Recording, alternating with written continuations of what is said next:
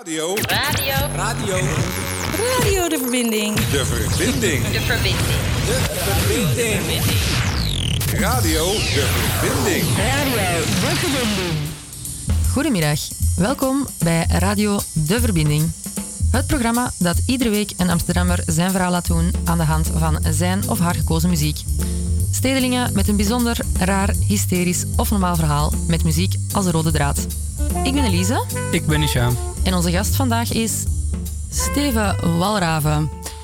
Een bijzonder man met een bijzonder verhaal die ons het de komende uur meer gaat vertellen over zijn achtergrond, wat hij doet, waar hij van houdt, hoe hij bij HVO betrokken is en uiteraard welke muziek daarbij hoort. Ook hebben we in deze uitzending weer aandacht voor het eenzaamheidsproject. Dat is een eh, project van HVO Querido, eh, waar HVO Querido aan deelneemt. En dat is een eh, Erasmus-onderzoek. eh, en daar nemen dus verschillende landen aan deel. Zoals Hongarije, Spanje, België, maar ook dus Nederland. Men gaat hier op zoek naar het thema eenzaamheid onder de inwoners. Steven is ook betrokken bij dit onderzoek en zal daar later in de uitzending meer over vertellen. Tijd dus om Steven te introduceren. Steven, welkom. Dankjewel. Welkom. Jij bent een, eh, een eh, ras-echte Amsterdammer, toch? Ja, ik ben zelf in Amsterdam geboren. Eh, mijn eh, ouders die, eh, zijn in hun generatie van eh, buiten Amsterdam in Amsterdam komen wonen. Dus die zijn half Amsterdammer. Waar kwamen ze vandaan? Eh, mijn vader die kwam uit Warnsveld. Dat is een dorpje bij Zutphen. Met hele grote, dure villa's. En mijn moeder kwam uit Utrecht. Uit de Nassaustraat. Een heel gezellig straatje vlakbij het Wilhelminapark. Dus Utrecht vind ik een hele leuke stad. Met Warnsveld heb ik niet echt heel veel op. En hoe, hoe ontmoet een man, een man uit Warnsveld een vrouw uit Utrecht? Eh, ik weet eigenlijk niet zoveel van eh, wat ze, hoe zij eh, allemaal geleefd hebben vroeger. Met volgens mij is mijn vader in Amsterdam eh, gaan studeren, medicijnen. En mijn moeder die, eh, ja, heeft die op een of andere manier ontmoet. Maar ik weet daar eigenlijk erg weinig over te vertellen. Dat is niet erg. Nee. Was je er nooit nieuwsgierig naar of hoe kwam dat? Ehm, ja, ik heb eh, foto's gezien hoe zij allebei met een enorme zonnebril op ja, door Amsterdam lopen. En toen woonden we al in Amsterdam en toen was ik al geboren. En dat was genoeg wetenschap voor mij. Dus ik ben niet zo geweest dat ik allemaal het naadje van de kous hoefde te weten. Vond, ik vond het allemaal wel best zo. Prima. En hoe was het verder in, eh, in Amsterdam opgroeien in die tijd? Ik heb geen Amsterdams accent. Eh, zeggen een hoop mensen.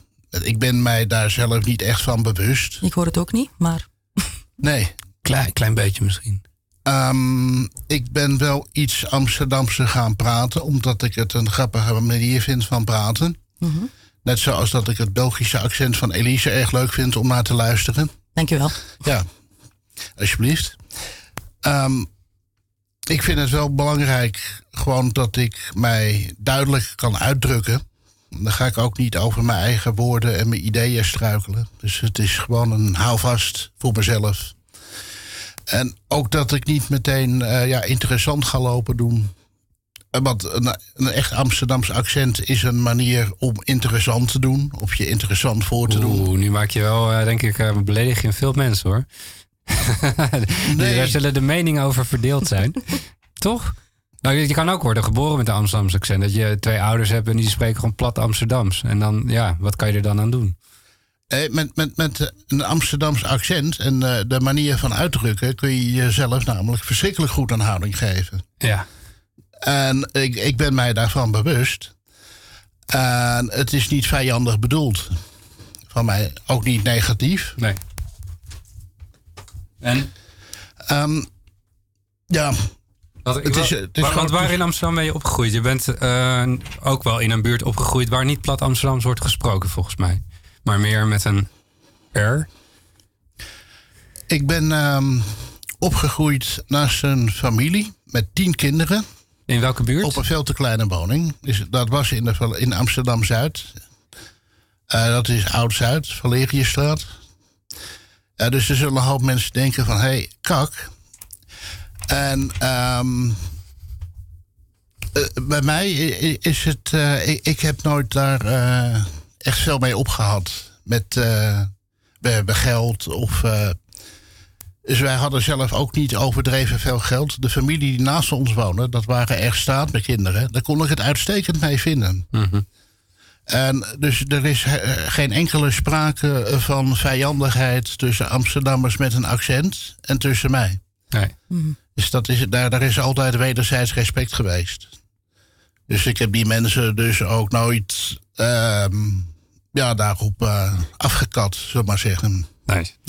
Kwam het uh, wederzijds respect misschien ook door de muziek die je maakte? Want uh, je vertelde me eerder dat je wel heel veel, dat je al heel vroeg eigenlijk bent muziek beginnen maken, zelf, toch? Um, ja, het ging goed op de middelbare school. En uh, contact met mensen, dat ging ook allemaal heel goed. En ik las een artikel in de krant over de Engelse Sex Pistols. En over hoe verschrikkelijk gezellig het was in hun uh, muziekzientje. En toen dacht ik van, hé, hey, dat is wel iets voor mij misschien. Toen was ik 15. Mm -hmm. Uh, toen heb ik nog wel de moeite genomen om uh, een paar jaar uh, gitaarles te nemen bij een klassieke school. Omdat ik geen zin had om uitgescholden te worden voor punkeren die niet kan spelen. En um, die eerste band die heeft een paar naamswisselingen ondergaan. En ook nog verschillende wisselingen van leden. En op een gegeven moment is dat de Nitwits geworden. De Amsterdamse Nitwits. En dat is ongeveer van 1978 tot 1982. Toen was er weer een wisseling van zanger. En eerst maakten we muziek zoals de Britten dat doen. Mm -hmm. Met snelle vierkwartsmaat. En, um, Daar ja, heb je ook denk ik een nummertje van uh, gekozen, hè? Van een Britse groep in ieder geval. In ieder geval van een Britse groep. Waar we ja. niet naar gaan luisteren, eventjes, en dan... Ja, dat, uh, de muziek die ik heb uitgekozen, de, dat heeft ertoe geleid dat ik van stevige muziek ben gaan houden. Mm -hmm. Zullen we gaan even naar luisteren? Ik heb hier nu Slate staan met Merry Christmas.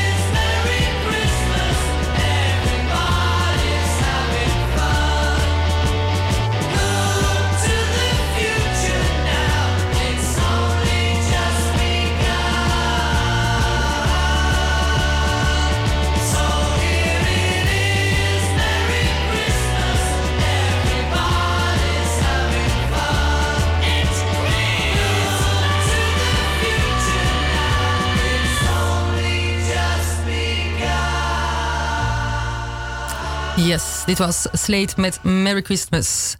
Een eh, Engelse band waar eh Steven zijn muziek eh, op baseerde, blijkbaar. Toch? Dat kun je wel zeggen. Ehm, moet ik even zeggen dat aan het eind van Ad zijn top op en van de top 40 en zo. met de muziek af en toe wat steviger. Zoals Mud met Dynamite. Ja, en Slate. Nou is dit toevallig een beetje een goed aardig liedje met Ja. Merry Christmas. Maar Slate is over het algemeen wel vrij stevige muziek. Dat heet ook eh glitterrock. Ook wel glamrock genoemd. Met van die hoge plateauscholen. Dat is nou niet mijn ding. Maar die mensen die zijn wel heel theatraal. eh, op een soort hippie manier. En ehm, ja, dus niet echt punk. Maar, maar toch vind ik het leuk. Wat sprak je eraan aan? Eh, dat het stevige muziek is. Ja, rock. Rock is stevige muziek. Maar ik wil, want waarom kie- kies je dan wel het nummer Merry Christmas? Ehm, ja, omdat het gewoon echt voor mij zo is gelopen. Hoe bedoel je? Ah, ja. Hoe zou ik dat nou moeten uitleggen? het was gewoon eh, het laatste nummer wat ik van Sleet op eh Advissers eh top op eh, heb gezien. Ja, en jij, wa- jij was vervent fan van, eh, van, van Ad Visser. Heb je dat... Want het was Ik- een periode dat dat een heel vernieuwend programma was, volgens mij. In de jaren zeventig. Ja, het was normaal dat je dat eh, meekreeg Ja. op de televisie. Was ook leuk om te zien. Iggy Pop, die kwam er, er nog voorbij. Met zijn nummer Lust for Life. En toen scheen die de hele studio van eh Ad Visser eh, nogal mishandeld te hebben uit enthousiasme. en daar werd eh, schande over gesproken, maar het past wel in de stijl van zo'n man. Eh, omdat dat zo is, wordt punk vaak verward met agressief zijn en alles slopen. En ja, dat kan natuurlijk wel, maar voor sommige mensen is dat iets minder de bedoeling. Mhm. Zoals voor mij bijvoorbeeld. Met ik vind mijzelf heftig genoeg als ik gewoon normaal doe. Zonder de boel kort en klein te slaan. Ja, en anders ga ik wel naar de kermis. Om, om dingen te slopen. Ja. Hey, je maakte je eigen muziek. Hoe, hoe was dat in de jaren 70? Waar deed je dat? Had je, deed je dat op je kamer? Of hoe, hoe werkte dat? werd eh, natuurlijk thuis geoefend. Ik heb gitaarles eh, genomen. Moet je serieus eh, riedeltjes eh, uit je hoofd eh, leren. Ehm, er was wel een soort van oefenkelder ergens. Maar dat levert natuurlijk altijd problemen op met de buren. Eh, er kon in sommige kraakpanden... die hadden een eh, eigen oefenruimte of een eigen podium... Leuk. waarop geoefend kon worden. Eh, sommige daar van die kraakpanden zijn ook gelegaliseerd... en die zijn later bekende poppodia geworden. Zoals? In Utrecht, hoe, hoe heet dat ook alweer daar? De, het Paradiso van Utrecht. De, eh, Ehm, ik ben niet heel erg bekend in Utrecht, eerlijk gezegd. Ik moet u ook het antwoord verschuldigd Nee. blijven. Sorry. eh, het grote poppodium van Utrecht in ieder geval. ehm, Maar, maar Paradiso noem je ook, hè? Dat, dat is er ook, onder, ook een van, toch? Het is ook oudkraak. de, de Melkweg is vroeger gekraakt geweest. Ja. En als het goed is, Paradiso, Paradiso ook. Ja, ja. ja. ja, Ehm, ik heb zelf eh, in, in de kraakscene... eh hebben we benefietconcerten gedaan voor eh, kraakpanden... als ze bijvoorbeeld een gas- en lichtrekening niet konden betalen. Mhm. En veel van die kraakpanden die zijn later, omdat de bewoners serieus genoeg waren, zijn ze door de gemeente eh, gelegaliseerd. En hebben ze in dat pand zelf hebben ze gewoon een huurwoning eh, gekregen. Ja. Dat is mij dus ook overkomen. Jij bent zelf, heb je een, een pand gekraakt en uiteindelijk is hij op je naam gekomen. Ik heb het pand niet gekraakt, maar ik had een goede relatie met die mensen. En een benefietconcert voor ze eh, had, ik, eh, had mijn band opgetreden. Mhm. En toen kon ik daar dus eh, een kamer krijgen. En dat eh, werd gelegaliseerd. En toen had ik een huurwoning. En zo kabbelde mijn leven voort eh, tot eh, vanaf tussen 1980 en 2000. Had ik allerlei eh, bezigheden als muzikant, optreden, ook in het buitenland. Speel je in verschillende bandjes? Of was het bijvoorbeeld maar één, één band waar je altijd speelde? Het, het was één band, maar je, je hebt wel projecten daarnaast Dat je eh, een gelegenheidsbandje hebt met eh, bijvoorbeeld allemaal covers van een eh, bepaalde band die je leuk vindt. Zo hebben we bijvoorbeeld een hele avond hebben we, eh, met akoestische instrumenten hebben we het repertoire van Iggy Pop eh, grotendeels nagedaan. En de zanger had zich ook ingesmeerd met pindakaas. Dat schijnt eh, Iggy Pop ook gedaan te hebben. Interessant. Daar had hij verder niks aan. En dat, dat gebeurde in een jongerencentrum aan de Keizersgracht. Ja. En dat heette Octopus. Het bestaat niet meer. Nee. Eh, dat zat dat één blok verderop van een club die H88 heette. Dat zullen veel mensen nog wel kennen. Maar hoe was jouw leven? Je speelde in een band. Was dat echt seks, drugs en rock'n'roll? Want dat, dat moet haast wel, toch? In die tijd. Jaren Nou, 70, de- punk. Jaren 80 bedoel ik. Ik, ik, deed, ik deed vroeger graag eh, een biertje. Ja. En geloof me, als ik achter een grote glazen pils op heb, dan heb ik echt wel genoeg gehad voor een eh, dag. Er zijn natuurlijk uitzonderingen. Maar ja, dat heeft wel zijn prijs. Mhm. En ik, ik rookte ook wel eens een jointje. Maar veel meer hoefde het voor mij niet te worden. De, ik was er tevreden mee. En ik wou ook niet de grote stap maken naar. eh, ja, er zijn, er zijn, ik heb veel mensen ge- gezien die graag eh, gingen snuiven. Of andere dingen gingen doen. En dat was me allemaal een beetje te veel. Mhm. Vond ik allemaal maar niks. Maar goed ook, toch? Dat, dat, je, eh, dat ja. je dat niet nodig hebt, nou, dat, is, dat lijkt me prima. Maar het leven, dat is toch wel... Je krijgt veel aandacht, er zijn veel, veel mensen om je heen. Hoe, ben- heb je dat ik- beleefd? Ik, ik, ben, eh, omdat het echt punk is, Mhm. om je eh, af te zetten tegen de gevestigde orde. Dat de gangbare seks, drugs en rock'n'roll. Dat was voor een deel die gevestigde orde waar wij ons tegen af wilden zetten. Dus we waren ook heel tevreden met onszelf, met wie we waren. eh, zonder die belangstelling te zoeken. Dus er zijn bijvoorbeeld mensen geweest eh, met geld en eh, mogelijkheden en connecties en contracten. Van ja, ik heb, eh, je kunt bij mij een contract tekenen en dan kan ik dit voor je bereiken en je kunt dat bereiken. En dan van nee meneer, dank u wel, dus we komen er zelf wel. Want iedereen hier die werkt, dat hij zijn eigen instrumenten kan betalen. En eh, we zijn tevreden met onze eigen leefwereld. Ik ben ondertussen benieuwd geworden naar het eh, volgende nummer dat jij hebt uitgekozen. Dat, dat was Led Zeppelin met How Many More Times. En daar gaan we nu naar luisteren.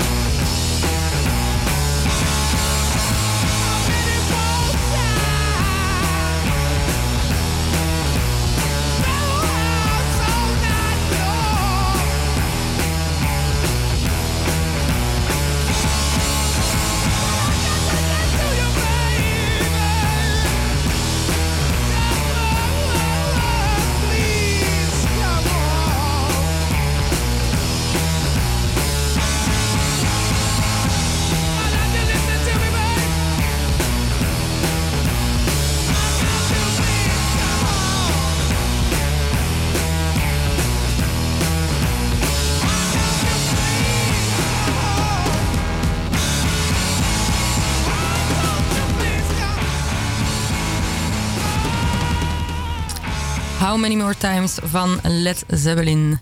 Steven, jij was dit aan het vertellen over dat je muziek maakte in de jaren tachtig in de Dat- kraakpanden in Amsterdam. Dat klopt. Niet alleen in kraakpanden. Ook eh, op eh, professionele jongerencentra. En Belkweg, Paradiso. Ja, Tivoli. Die bedoelde ik. Aha, natuurlijk. die kennen we ook. Uit ja. Utrecht. Dat is ook gekraakt geweest. Ja. En ehm, eh, mijn leven kabbelde van 1980 tot 2000 rustig door. Dus een aantal successen met legalisaties van kraakpanden. En er zijn ook eh, veel eh, woon-werkpanden geweest... waarin goed lopende bedrijven door krakers zelf eh, we- werden opgericht. Een daarvan is de Bierkoning. Die bestaat volgens mij nog steeds in Amsterdam... en die levert overal bier. Ja. En er zijn er nog meer. In Utrecht is ook een eh, pand, dat er zit eh, Deels Jongerencentrum, de AQ. En de andere kant van het pand, dat is een nou, behoorlijk chic uitziend eh, hotel. Dus die mensen die zijn echt eh, behoorlijk goed bezig. Ehm nou zeg ik weer, de successen waren kleine successen, geen grote successen. Maar dat is voor mij succes genoeg. Dat, ik wou ook niet heel beroemd gaan worden of heel veel succes met eh, commercieel. Ik heb wat opleidingen gedaan. Uh, vroeger heb ik mijn middelbare school niet afgemaakt, omdat ik te veel uitging. dus dan ging het studeren echt niet meer. Ik ben toen gaan werken. Dus op een gegeven moment uh, ben ik wat minder gaan feesten. En toen ging het opeens wel wat beter allemaal in mijn hoofd. Dus dat moet ik dan ook eerlijk toegeven aan mezelf. Mm -hmm. Want te veel feesten en uh, proberen studeren, dat gaat niet altijd. Herkenbaar. Ja. maar uh, die opleidingen heb ik allemaal gedaan en afgemaakt. Er waren veel werkprojecten. Wat deed je dan? Werkprojecten, zeg je? Een werkproject is bijvoorbeeld uh, uh, in een kraakpand uh, een benefietconcert organiseren voor een goed doel. Toch altijd wel muziek gelinkt. Ja. Mooi. Of vrijwilliger bij een rolschaatsdisco. Waarbij er ook mensen in rolstoelen, die worden uitgenodigd, worden hun rolstoelen versierd. En dan kunnen ze dus de schaatsers feest vieren. Klinkt fantastisch. Ja, het is allemaal weer uh, vrij uh, goedaardig. Um, ik heb te veel uh, muziekinstrumenten gekocht op afbetaling. En toen ben ik vanwege huurachterstanden ben ik in januari 2000 uit mijn woning gezet. En toen ben ik wel 15 jaar dakloos geweest. Zo. Jeetje. Dus ik heb wel nog een, een paar maanden ergens op een zolderkamertje gezeten en in een bootje. Maar die is ook in beslag genomen door de GGGD. Die reed vroeger door de grachten. Mm. Maar in een boot uh, is het in de winter gewoon niet prettig om te wonen. Nee, als, je, als je geen geld hebt. Ik heb erg lang zonder uitkering gezeten. Hoe, hoe doe je ik, dat? Uh, nou, ik, ging, ik ging in principe ging ik buiten de stad slapen. Dat je geen uh, zo min mogelijk opjaagbeleid tegenkomt. Ja. En dat lukt dan dus ook. Maar dan moet je dus wel altijd het hele eind uit de stad lopen. En ik zocht gewoon altijd lege flessen. Mhm. Dus dat kan zijn dat je pech hebt en dan heb je maar twee dubbeltjes op een dag. Maar als je dat geld gebruikt om eh, een eh, pak bloem te kopen, kun je gewoon boven een houtvuurtje kun je pannenkoeken gaan eh, bakken. Ja, je werd, je Creatief. werd heel inventief daardoor. Maar hoe, lang- Ja. hoe lang heb je zo geleefd? Ik heb 15 jaar ben ik dakloos geweest. En toen kreeg ik via eh, Discus een woning. Mhm. Maar dat is wel een, echt, een, echt een lange periode. Ehm, hoe, hoe kijk je daarop terug? Eh, ik heb eh, vroeger geleerd dat eh, je bij een boer mag je een tent neerzetten. Als je toestemming heeft van de boer, dan mag je daar dus gewoon kamperen. Ja, We, we hebben hier in Nederland een kampeerwet. Ja. Je kunt niet zomaar overal een tent neerzetten. maar op eigen land van de boer, dan mag het. Als hij toestemming geeft. Of je moet een visvergunning hebben. Visvergunning kost 10 euro per jaar. Mhm. En dan mag je gewoon eh, één of twee dagen ergens een tentje neerzetten. En dan ben je zogenaamd aan het vissen. Zo kun je het ook doen. Dat heb je ook gedaan, neem ik Heb, aan dan. heb ik ook gedaan, ja. ja. Ik, ik ben al die tijd ben ik op zoek geweest naar een plek waar ik eh, met toestemming van een boswachter bij bijvoorbeeld eh, mee kon helpen met het bos schoon eh, houden van afval. Ja, In ruil voor geen opjaagbeleid. Ja. Dus af en toe lukte dat twee jaar. En dan moet je toch vertrekken.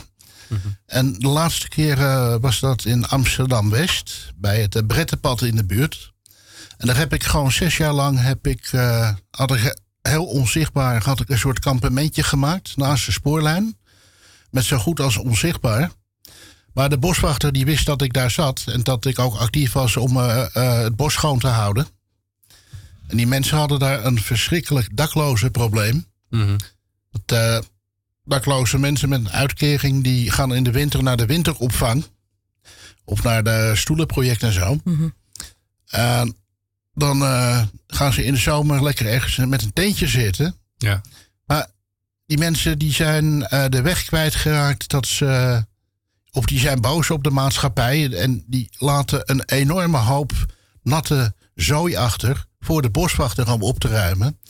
En dat kan wel tot 800 kilo tot 1200 kilo natte zooi zijn. Dat is wat dat, dat kampement dan achter, wordt achtergelaten. Er liggen allemaal spullen nog in die bosjes. En dat is, geeft enorm veel troep. Maar jij zorgde altijd dat er jouw plek netjes bleef. Ja, en ik heb de hele omgeving eh, waar ik zat eh, schoongemaakt. Was ook het schoonste stuk van eh, Nederland volgens mij. Maar het, het klinkt me, het lijkt me toch een zwaar leven. Want je moet toch zien te overleven. Je zegt je hebt geen uitkering. Dus je, Nee, toen, toen, toen had ik wel een uitkering gelukkig. Een dak- dakloze uitkering. ja. Maar daar kon ik dus mijn tent warm van stoken. Mhm. Ik kon eten. Dus ik had een laptop. Ik had een, eh, heet, het? een eh, PSP, eh, zo'n draagbare eh, speelcomputer. Je had een spelcomputer. Ja, want eh, eh, ik, ik heb daar... Dat is eh, nou niet het beeld, denk ik, wat iedereen erbij heeft. Maar dat vind ik wel, wel bijzonder om te horen. Dus je had, je had genoeg vermaak ook. ik, ik had ook een eh, draagbare DVD-speler, aantal Ja. films. Ja. En ik, Je eh, regelt het wel. Ja. Je had daar een, eh, een eh, Starbucks, eh, zo'n zo'n koffietent. Mhm. Dan hadden ze en openbare wifi en je kon eh, je spullen allemaal opladen. Ja. En er was een leeszaal daar in de buurt. En er was nog een eh, leuk koffiehuis waar dat eh, kon daar. Dus ik eh, zat wel een paar keer in de week zat ik alles op te laden, ja. Mhm. Ehm, Wat een creatieve geest ben je eigenlijk om het zo allemaal op te lossen. Nou, ik, eh, ik ben wel een eh, fan van computerspelletjes en van moderne apparatuur. Dus ik vond het wel leuk allemaal. En zo kon je ondertussen gewoon je muziek blijven verder luisteren. Toch? Ja, Want je hebt ook nog een nummertje gekozen. En dat is UB40 met Food for Thought. Daar gaan we even naar luisteren.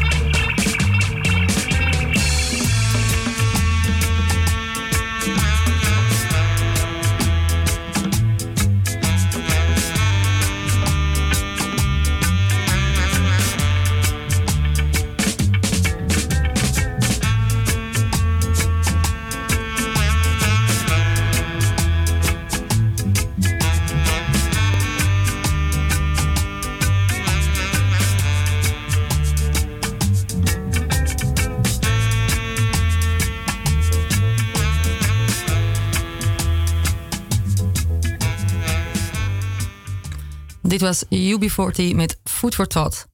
Steven, jij vertelde net je bijzondere verhaal hoe jij 15 jaar lang dakloos was in Amsterdam. Maar als ik het goed uh, voor heb, heb jij nu een woning op eigen naam, toch? Ik heb aan iemand gevraagd om mij bij Discus uh, in te schrijven. Dan is er een wachtlijst. En als je uh, een intake hebt gehad, dan duurt het nog ongeveer een maand of zes. Krijg je een woning aangeboden, die moet je nemen. En dat heb ik maar al te graag gedaan.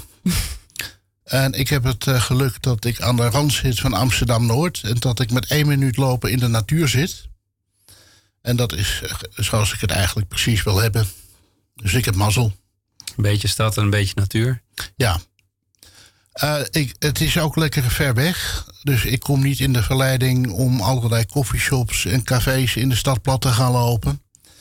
Wat ook wel uh, in mijn voordeel is dan. Het was allemaal heel gezellig.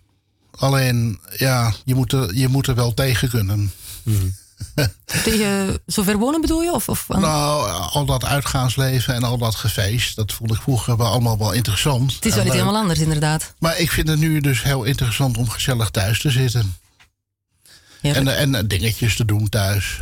Nog steeds wel muziek maken of luisteren? Ik heb of... een digitale opnamestudio thuis. Ik Oh. heb een basgitaar, elektrische gitaar, elektronisch drumstel, keyboard, microfoon en standaard. Eh, Dus ik kan alles zelf. En dan eh, maak ik gewoon wat ik, wat ik vroeger met een hele band deed. Dat doe ik in mijn eentje. En dat vind ik gewoon wel interessant als project. Mhm.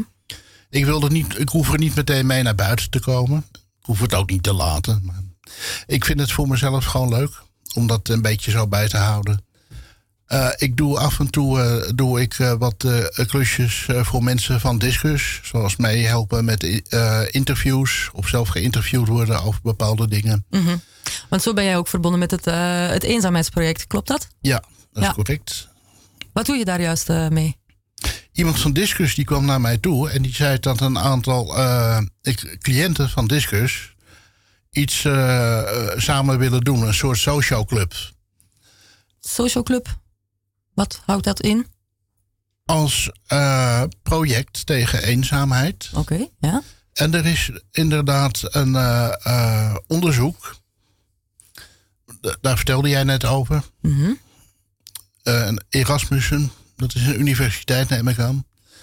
Die hebben over, door heel Europa hebben ze onderzoeken naar eenzaamheid. Mm -hmm. Ja. Ik heb zelf een heel sociaal leven gehad als uh, muzikant en met feesten. Ik heb heel veel opleidingen gedaan uh, met, met, sport en met hele grote groepen mensen. Mm -hmm. Dus ik heb mijn hele leven lang ben ik juist heel veel met mensen bezig geweest. En op een gegeven moment ben ik uit noodzaak, zoals die laatste jaren dat ik dakloos was, ben ik in mijn eentje bezig gegaan omdat ik geen zin heb om meegetrokken te worden in probleemgedrag van anderen. Mm -hmm. En dan is het voor mijzelf echt belangrijk dat ik gewoon in mijn eentje bezig ben. Daar neem ik verantwoording voor. En Ja. wat andere mensen doen, dat zijn hun zaken verder. En daar kan ik ook geen verantwoording voor nemen. Maar alleen zijn is niet per se eenzaamheid. Want als ik jou zo bezig hoor, ben je met veel muziek bezig. En het klinkt niet alsof je eenzaam bent. Ik vind het heel erg leuk om eh, op YouTube bijvoorbeeld te kijken naar allerlei filmpjes over wat mensen doen. Documentaires, uitvindingen die ze maken. Er zijn mensen bezig eh, met, de wo- met de woningmarkt, eh, eh, kleine woningen. Mhm. Van die mo- mobiele kleine woningjes, tiny, house, house, movement noemen ja. ze dat. Eh, je hebt eh, mensen die maken eh, meubelen die je kunt transformeren. Of een interieur eh, wat je kunt transformeren. Ik heb daar ooit een soort opleiding voor gedaan. Een beetje kunstzinnige opleiding. Over eh, van, van een huis van binnen eh, ja, bedenken. Mhm. Binnenhuisarchitectuur heet dat. Ja. En ehm de, is gewoon- is gewoon leuk om te zien. En daar voel ik ook meteen een connectie eh, met andere mensen. Mhm. En dan ben ik via de televisie of de YouTube ben ik minder eenzaam. Ik ben er ook eh, me ervan bewust dat je... Even als je denkt dat je eenzaam bent... dan kun je in een soort valkuil terechtkomen. En je mag wel een beetje zelfmedelijden hebben... maar als het te veel gaat worden... dan kom je er misschien wel niet meer uit. En ik ga dus ook wel de deur uit, zo nu en dan speciaal mensen opzoeken. Dat ik niet dat soort gedachten ga krijgen.